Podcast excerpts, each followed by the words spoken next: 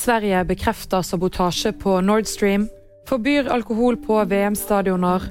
Og Idrettsforbundet åpner for en tredje kjønnskategori.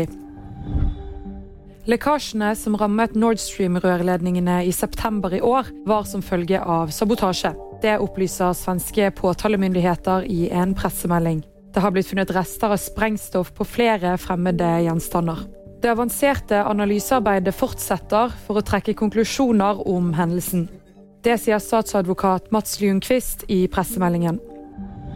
Qatar forbyr alkohol på VM-stadioner bare dager før mesterskapet sparkes i gang. Det melder New York Times.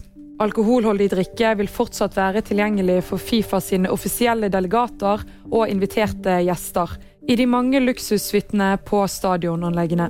VM skal spilles på åtte forskjellige stadioner i landet. Norges idrettsforbund åpner for å innføre en tredje kjønnskategori i forbundets database. Det er viktig for oss at breddeidretten er åpen for alle. Transpersoner er velkommen i norsk idrett, også i toppidrett. Det sa første visepresident i forbundet, Vibeke Sørensen. Og VG-nyheter fikk du av Hanne Sofie Andresen.